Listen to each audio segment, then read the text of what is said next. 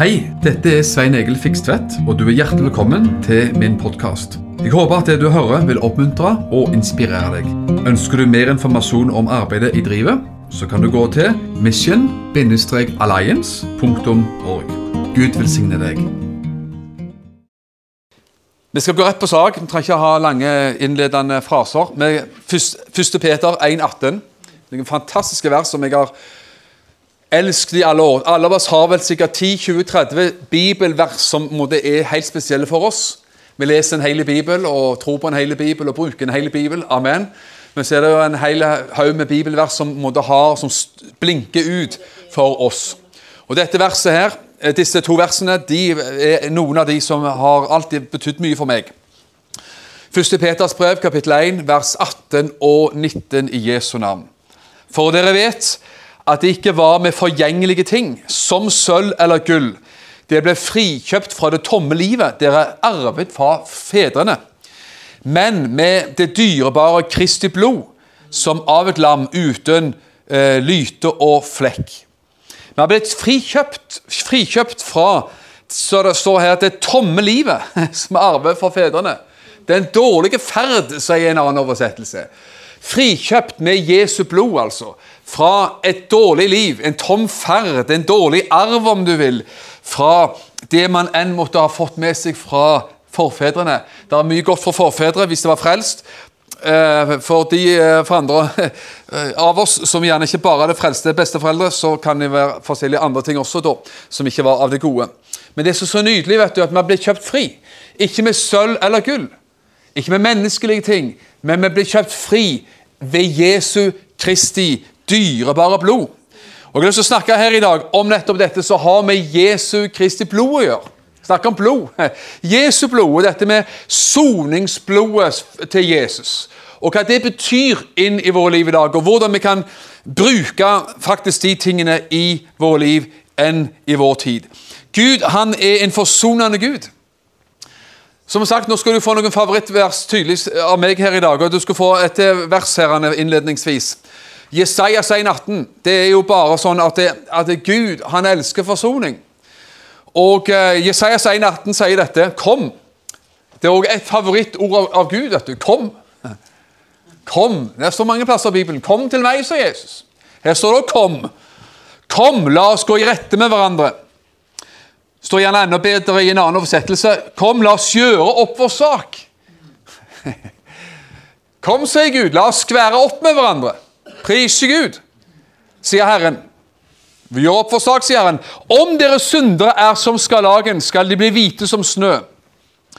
Om de er røde som purpur, skal de bli hvite som ull. Tenk at Gud sier 'kom'.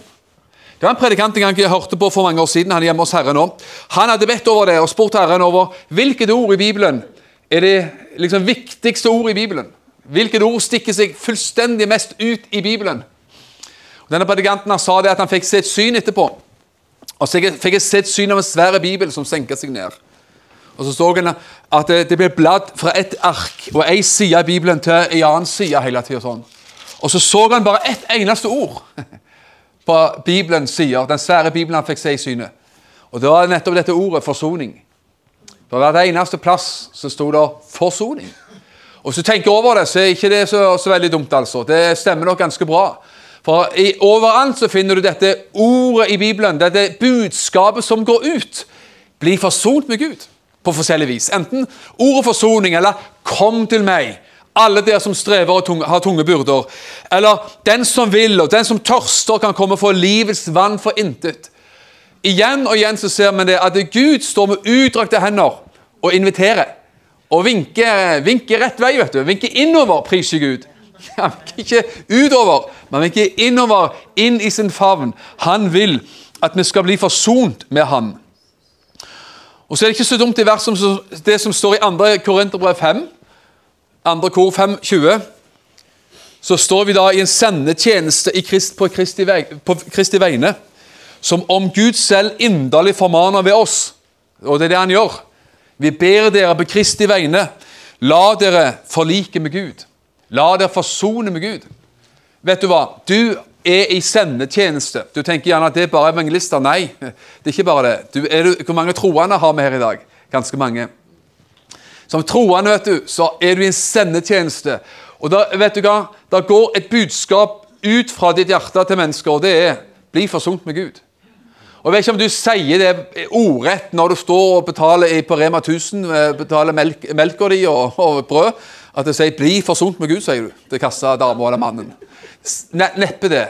Men hvis jeg spør deg, hva er det du ønsker mest for dine kjæreste? Dine, de som ikke kjenner Jesus. Eller for alle. Hva er det du ville mest, ønske mest av alt for dine nærmeste og de du er mest glad i? At de skulle bli forsont med Gud? Det, det, jeg trenger ikke få svar engang for deg. Jeg vet det. Jeg ser det på deg. Det ligger budskap i oss. Det ligger en ønske i oss at mennesker skal bli forsont med Gud. Og Det er liksom hovedbudskapet fra ditt og mitt hjerte til mennesker. Så får du kle det inn med de ord som du sjøl vil. Men det går ut i et budskap bli forsont med Gud. Man vil at mennesker skal komme til Jesus.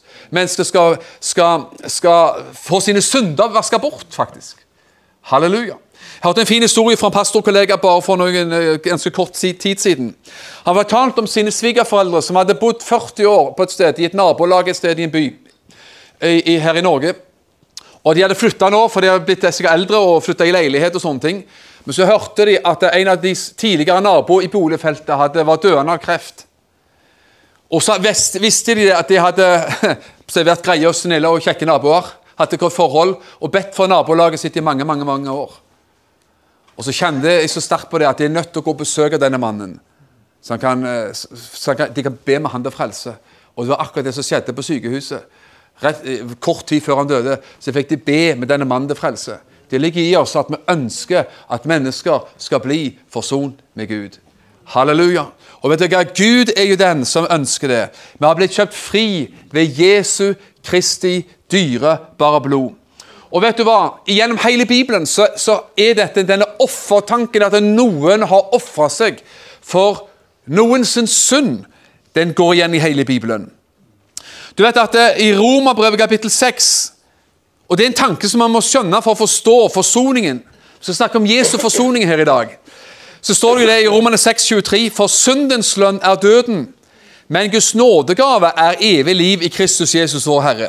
Syndens lønn er døden. Altså, når mennesker synder, så er, det, så er det noen som dør. Det er noen som må dø, til og med. Det er noen som er bøta med livet. For det er dødsstraff for synd. Så når et menneske har synda, så er det noe eller noen som må dø for det. Og så vet vi at det, det siste offer som Gud ga, det var Jesus, som døde for verdens synd. Men lenge før den tid så ser vi jo det fra tidenes morgen til og med når Adam og Eva synda i Edens hage, så er det jo sånn at de synda, de adlød slangens røst og, og brøyt Guds ord brøyt Guds bud. Hva forteller Bibelen oss der i disse første bladene i Bibelen? Interessant historie og viktig historie. De, de gjemte seg. Gud kom i hagen og ropte på dem. Gud, De var vant med å vandre med Gud, men nå hadde synden kommet inn. Kommet inn. Og så var de skamfulle og ville gjemme seg for Gud. Så kommer Gud, sier Bibelen, og Gud roper 'Adam, hvor er du?' Tenk at Gud sier det. 'Adam, hvor er du hen?' Og hva hadde skjedd? Jo, Adam og Eva de hadde gjemt seg inn i buskene en plass. De oppdaget plutselig at de var nakne og følte på skam og dekka seg til med fikenblad. Så sier Bibelen at når Gud fikk snakke med dem, så står det at Gud tok faktisk og kledde dem i skinn, sier Bibelen. Han kledde dem med noe. De kjente seg nakne. Var de nakne før de synda? Kanskje ja. Fysisk kanskje ja, kanskje nei. Men de var i hvert fall kledd i Guds herlighet. De var ikledd Guds rettferdighet og Guds herlighet og Guds nærvær. Så forsvant da synden kom inn. Og så kjente de på nakenhetsskam, og de gjemte seg for Gud. Og de dekka seg til, sier Bibelen, med fikenblad. Fikenblad et, et, eh, bilde på egen rettferdighet. Man prøver å fikse det sjøl. Man prøver å ordne og dekke til sin synd og sin skam i egen kraft. Men så sier Bibelen at Gud tok faktisk og, og kledde dem med skinn, står det. Og vet du, skinn vokser ikke på trær. Det er bark som vokser på trær. Skinn vokser på dyr. Så Gud var den som tok og ofra et dyr, drepte et dyr og lot blod flyte og kledde de med skinnet av det som da hadde, det dyret som hadde ofra sitt liv for de sin synd.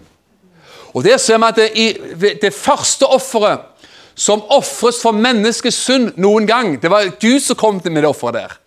Det var Gud som fiksa et offer, og at han kledde de, da, kledde de opp med noe bedre enn fikenblad. og vet du hva? I historien så er det sånn at Gud er den første som kom med et offer for menneskets synd. Og Gud er den, er den siste, og kommer det siste offeret for menneskets synd på Golgata. I Edens hage så var det Gud som stilte opp med et offer.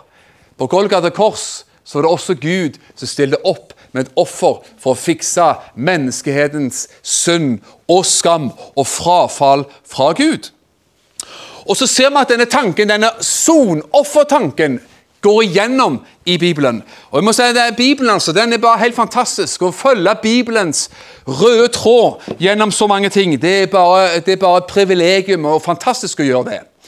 Så ser vi også historien med, med Kain og Abel. Det var, det var jo ungene, sønnene til Adam Eva.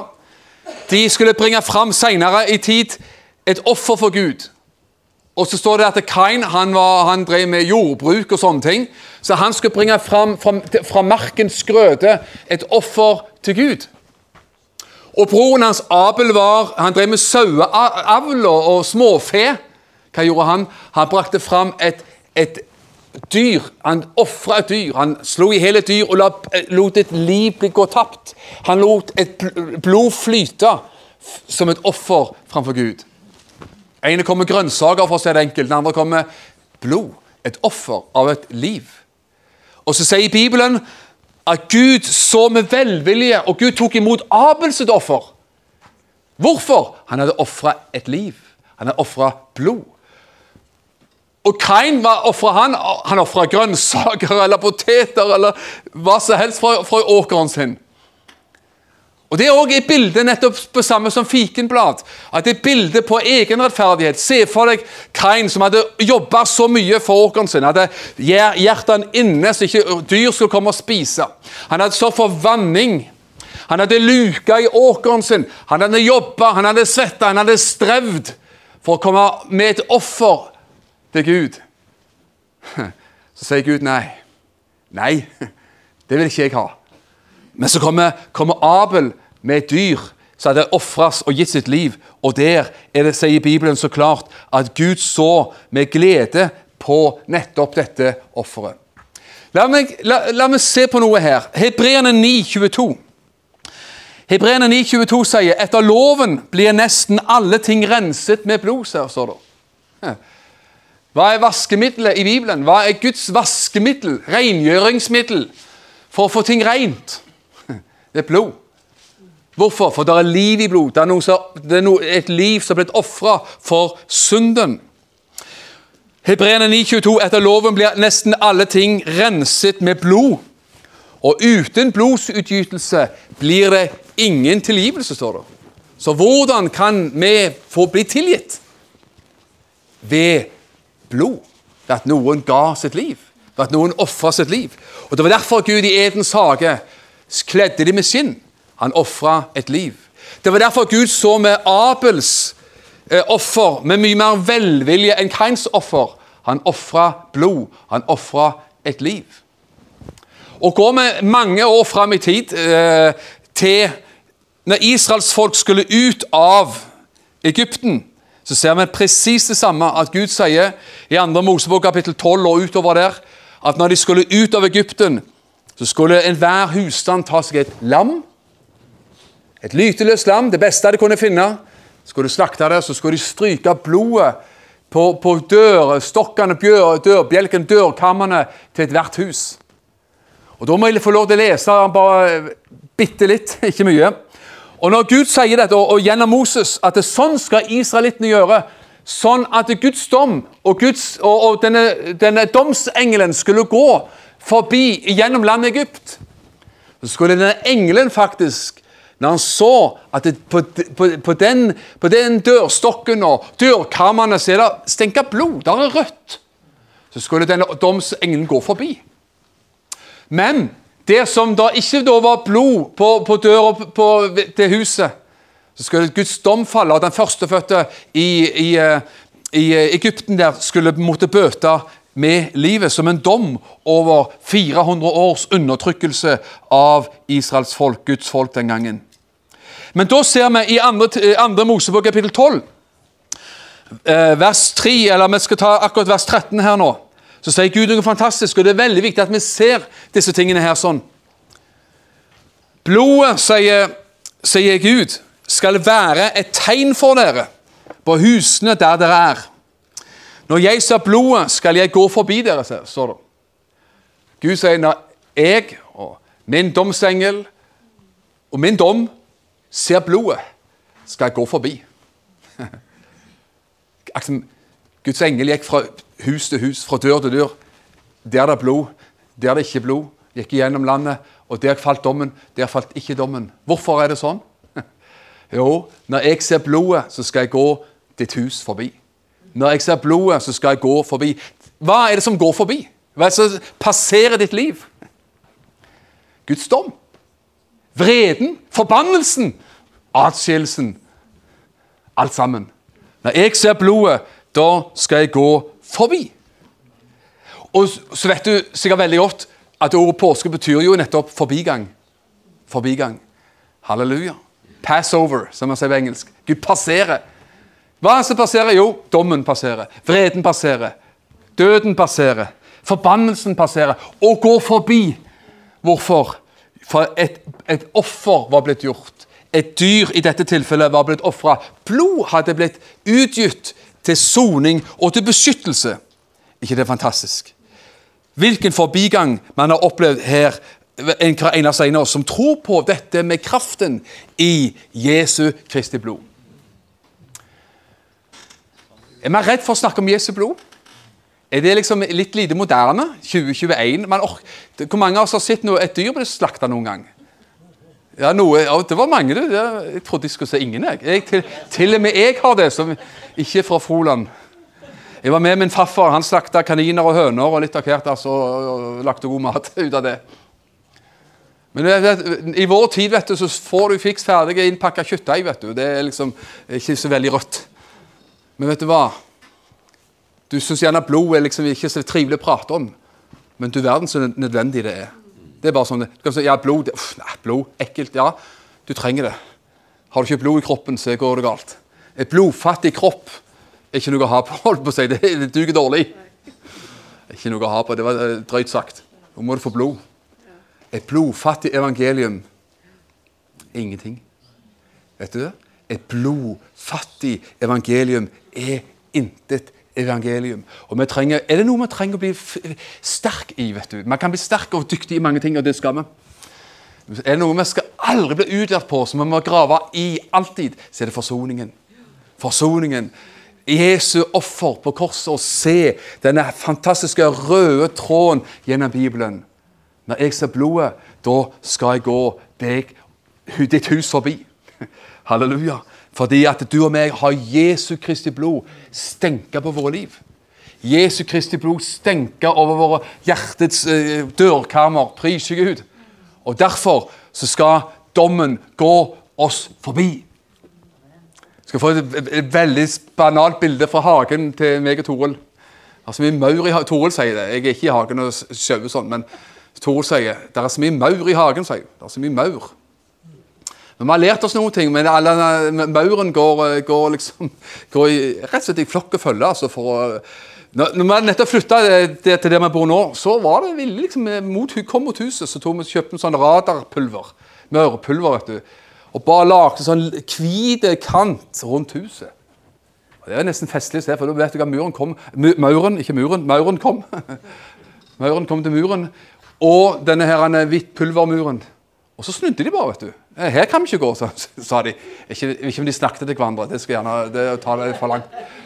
Men det, det, er nesten, du må se det for deg. altså. De gikk i flokk og følge, så sier mauren foran Ledermauren, altså. Så her, her, eh, her, kan vi ikke gå. Her er det hvitt pulver. Så her kan vi, her, vi snur og tar en annen vei. Vi finner på noe annet. Nå trenger ikke du maurpulver, heldigvis, men vi har Jesu blod. Jeg har lyst til at du skal være sterk på det og proklamere Jesu blod proklamere, bruke faktisk Jesu Kristi blod og skjønne det, at du og meg er i en pakt med Gud. en blodspakt med Gud. Ikke hva som helst pakt. Ikke sølv- eller gullpakt. For det var ikke med sølv eller gull, men ble kjøpt fri fra det dårlige ferd med arva fra fedrene. Men det var ved Jesu Kristi dyrebare blod. Og Da har jeg lyst til å ta deg med til det viktigste her. Vi har snakket litt om både Adam og Eva og Kain og Abel og det ene og det andre, skal vi snakke om det viktigste. Det er Jesus. Jesus. Du kjenner Johannes 1. Skal vi se om du kan få det ordentlig på vers, her, versen òg. Johannes 1, vers 29 og 36 sier jo dette.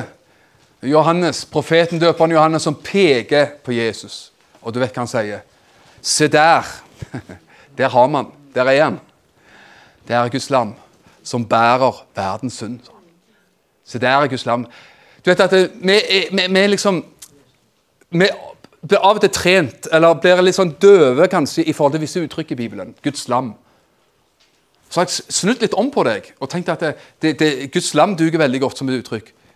Vi liker ordet og sier det sånn lammet til Gud. Lammet til Gud. Det er jo samme, da.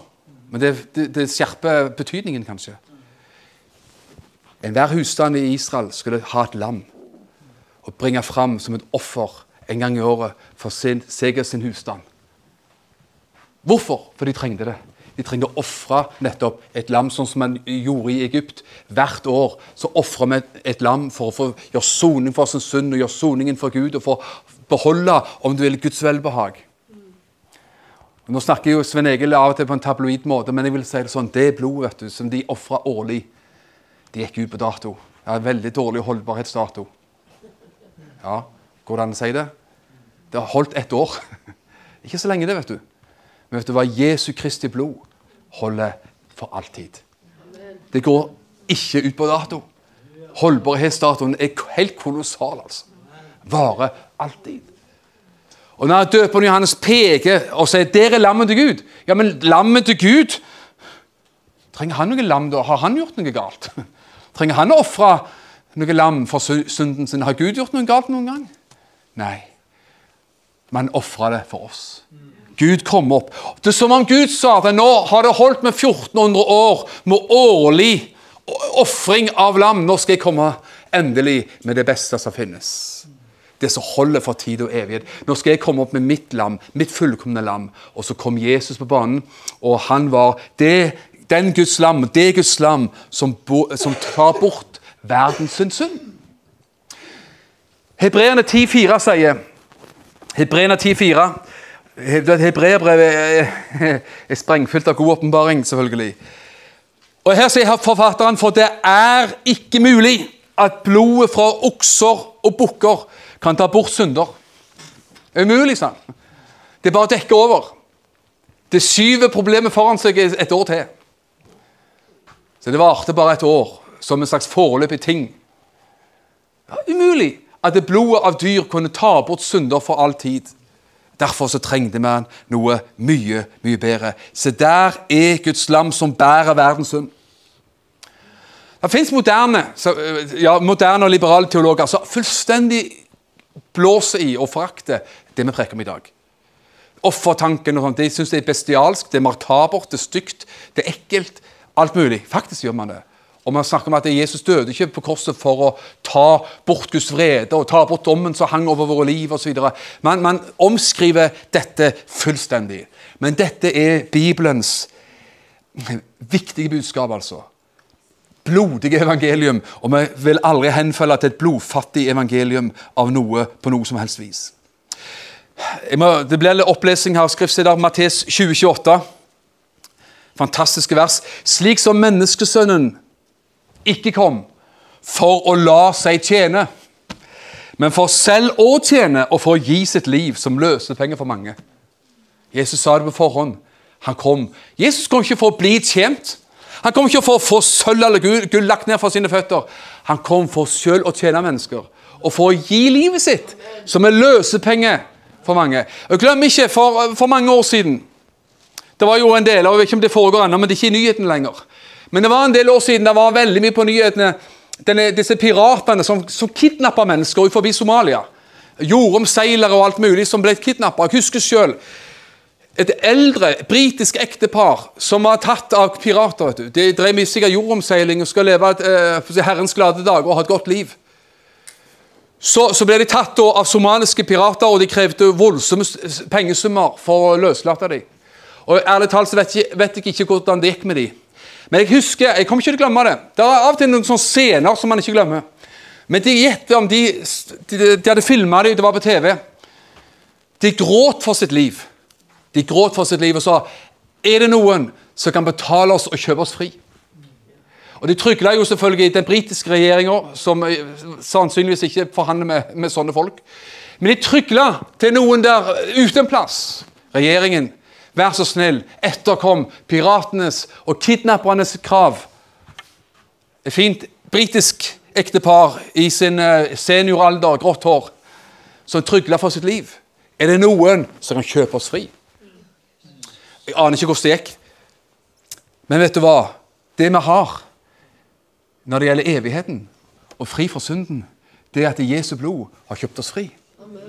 Halleluja. Det er ikke sølv eller gull. Det er, ikke, det er ikke milliarder eller millioner fra en regjering, men det er Jesu Kristi dyrebare blod. At han ga sitt liv for oss. Og Når Jesus da går til korset Vi kan lese litt om det. Jeg henter det i hvert fall litt sånn muntlig her fra Lukas 22. Da Jesus i forkant av når han skulle gå på korset, så, kjenne, så gjorde jo Jesus det som han alltid hadde gjort i, i hans tradisjon, naturligvis. De hadde påskelammet. Påskelammet. Så de hadde hatt det 1400 år. Fra Moses' tid og fra Egyptens tid. Så hadde de denne årlige spisingen av påskelammet. Og Jesus har rigga til sammen med disiplene sine. Og de spiser og de, de drikker, og de har sin selvfølgelig jødiske påskelam-feiring. Men så snur, Det er som om Jesus snur, liksom, eller legger noe på, eller kommer med et slags skifte, da, for å kalle det det. Etter de har spist påskelammet, så sier Jesus at eh, Så tar han et brød vet du, og sier, 'Folkens, nå skal jeg legge litt på, da, så får du eh, sortere det så det passer deg.' Det er som om Jesus sier, 'Folkens, nå har vi hatt vår påskefeiring år etter år etter år siden, Mos, siden utfrielsen fra Egypt.' Men vet dere hva? Det egentlige påskelammet er meg, sa han. Så tok han et brød og brøt det opp og ga disiplene sine og sa dette er mitt legeme, dette er offeret, dette er min kropp. Det er legemet mitt, det er meg. sa. Så tok han vinen og skjenkte og ga rundt. Og så sa han dette er blodet mitt, eller dette representerer mitt blod. Med andre ord, det er jeg som er det egentlige påskelammet. Fra nå av. Og så sier han jo også dette er den nye pakt i mitt blod. Blodet som han holdt fram, vinen som han holdt fram, dette representerer den nye pakten. En ny pakt i mitt blod. Og de skjønte jo selvfølgelig overgangen, om du vil, fra denne gamle pakt til den nye pakt. Og de så det, at det er en ny pakt i Jesu Kristi dyrebare blod. Og vet du hva? Vi lever der nå. Vi lever i den nye pakten i Jesu Kristi dyrebare blod. Og Derfor så sier Bibelen Vi har jo allerede nevnt døperen Johannes, som sa at der er Guds lam som bærer verdens synd. 1. Johannes 5,7 Nei, 1. Korinterbrev 5,7 sier For sannelig, vårt påskelam er slaktet for oss. Det er Kristus. Det er herlig, vet du. Påske, de skjønte hva det var. Påskelammet. Mange gjør jo det. Spiser påskelam i påsken. Ja, bare fint, det. Men vet du hva? Vår påskelam er Kristus. Han ga seg sjøl. Han ofra seg sjøl. Det, er- det er han som ga seg for vår fantastiske og viktige frelse. Vet du hva? Når Adam og Eva spiste frukten, den forbudne frukten vet du, Noen tror det var eple, men det vet man jo ingenting om. Men de spiste den frukten som slangen sa de skulle spise av, og da ble synden en del av de. Når du og meg spiser av det Jesus har gjort for oss, da blir rettferdigheten en del av oss. Vi får del i hans rettferdighet. Og det er det vi gjør, vet du. Når vi tror på det han har gjort for oss. Og av og til også bekrefte det og ha en sånn synlighet ved det ved nattverd osv. Så videre og sånn også. Men ved, ved å tro på dette, så spiser vi av det Jesus har gjort for oss. Og da blir det en del av oss. Så du har hørt uttrykket, vet du. Du blir hva du spiser. Du blir hva du spiser. Og hva skjedde så? Jesus ga sitt liv på korset. Og så vet vi at det skjedde noe fantastisk bak forhenget. vet du. Og Det er jo det som det, det, er bare så fascinerende med Bibelen og Bibelens historie når du leser som sagt, Bibelen fra, fra en perm til en annen, eller i, i sin helhet. Så ser vi det. og Så skal jeg lese et par vers for deg fra Hebreerne 9. På Hebreerne 9,12.: Ikke med blod av bukker og kalver, men med sitt eget blod gikk han inn i det aller helligste. En gang for alle og fant en evig forløsning. Hør en ting. Som du vet, for vi kjenner Bibelen såpass En gang i året så gikk ypperstepresten i Det gamle testamentet inn med blod. Ofra blod. Et lam, f.eks. Så stenker man blod i det aller helligste til soning for folkets synd. Og så vet vi jo det at Jesus ble Guds lam. Han ble lammet. Og når han hang på korset, så var han jo lammet som ofra seg og blødde og døde for vår synd. Men du vet, det er rett om for å si det sånn, rett rundt neste sving så var ikke Jesus bare lammet, men han var også ypperste presten. Som også tok og bar fram sitt eget blod inn i den himmelske helligdommen. Og det fins Jeg tror virkelig på det. altså. Det fins i dag. For det går ikke ut på dato. Og det taler forsoning. Det taler frelse. Det taler forløsning. Det taler beskyttelse. Det taler vår sak innenfor Gud. Han gikk med sitt eget blod inn i det aller helligste. Han, ikke bare ikke menneskelig ypperste men Jesus sjøl. Han som var på korset, lammet, siden tar sitt blod og bærer det fram i det aller helligste, i helligdommen, i den himmelske helligdommen i himmelen. Og der fins det. Prise Gud og leve og fins der i all evighet. Hebreerne 9,24. For Kristus gikk ikke inn i en helligdom som var gjort med hender, Altså den jordiske helligdommen i Jerusalem, f.eks. Tempelet og tabernaklet som man hadde før. Nei, han gikk ikke inn i, inn i uh, helligdommen eller tempelet i Jerusalem som sådan med dette, med sitt eget blod. Som Bibelen sier, som er et bilde av den sanne helligdom.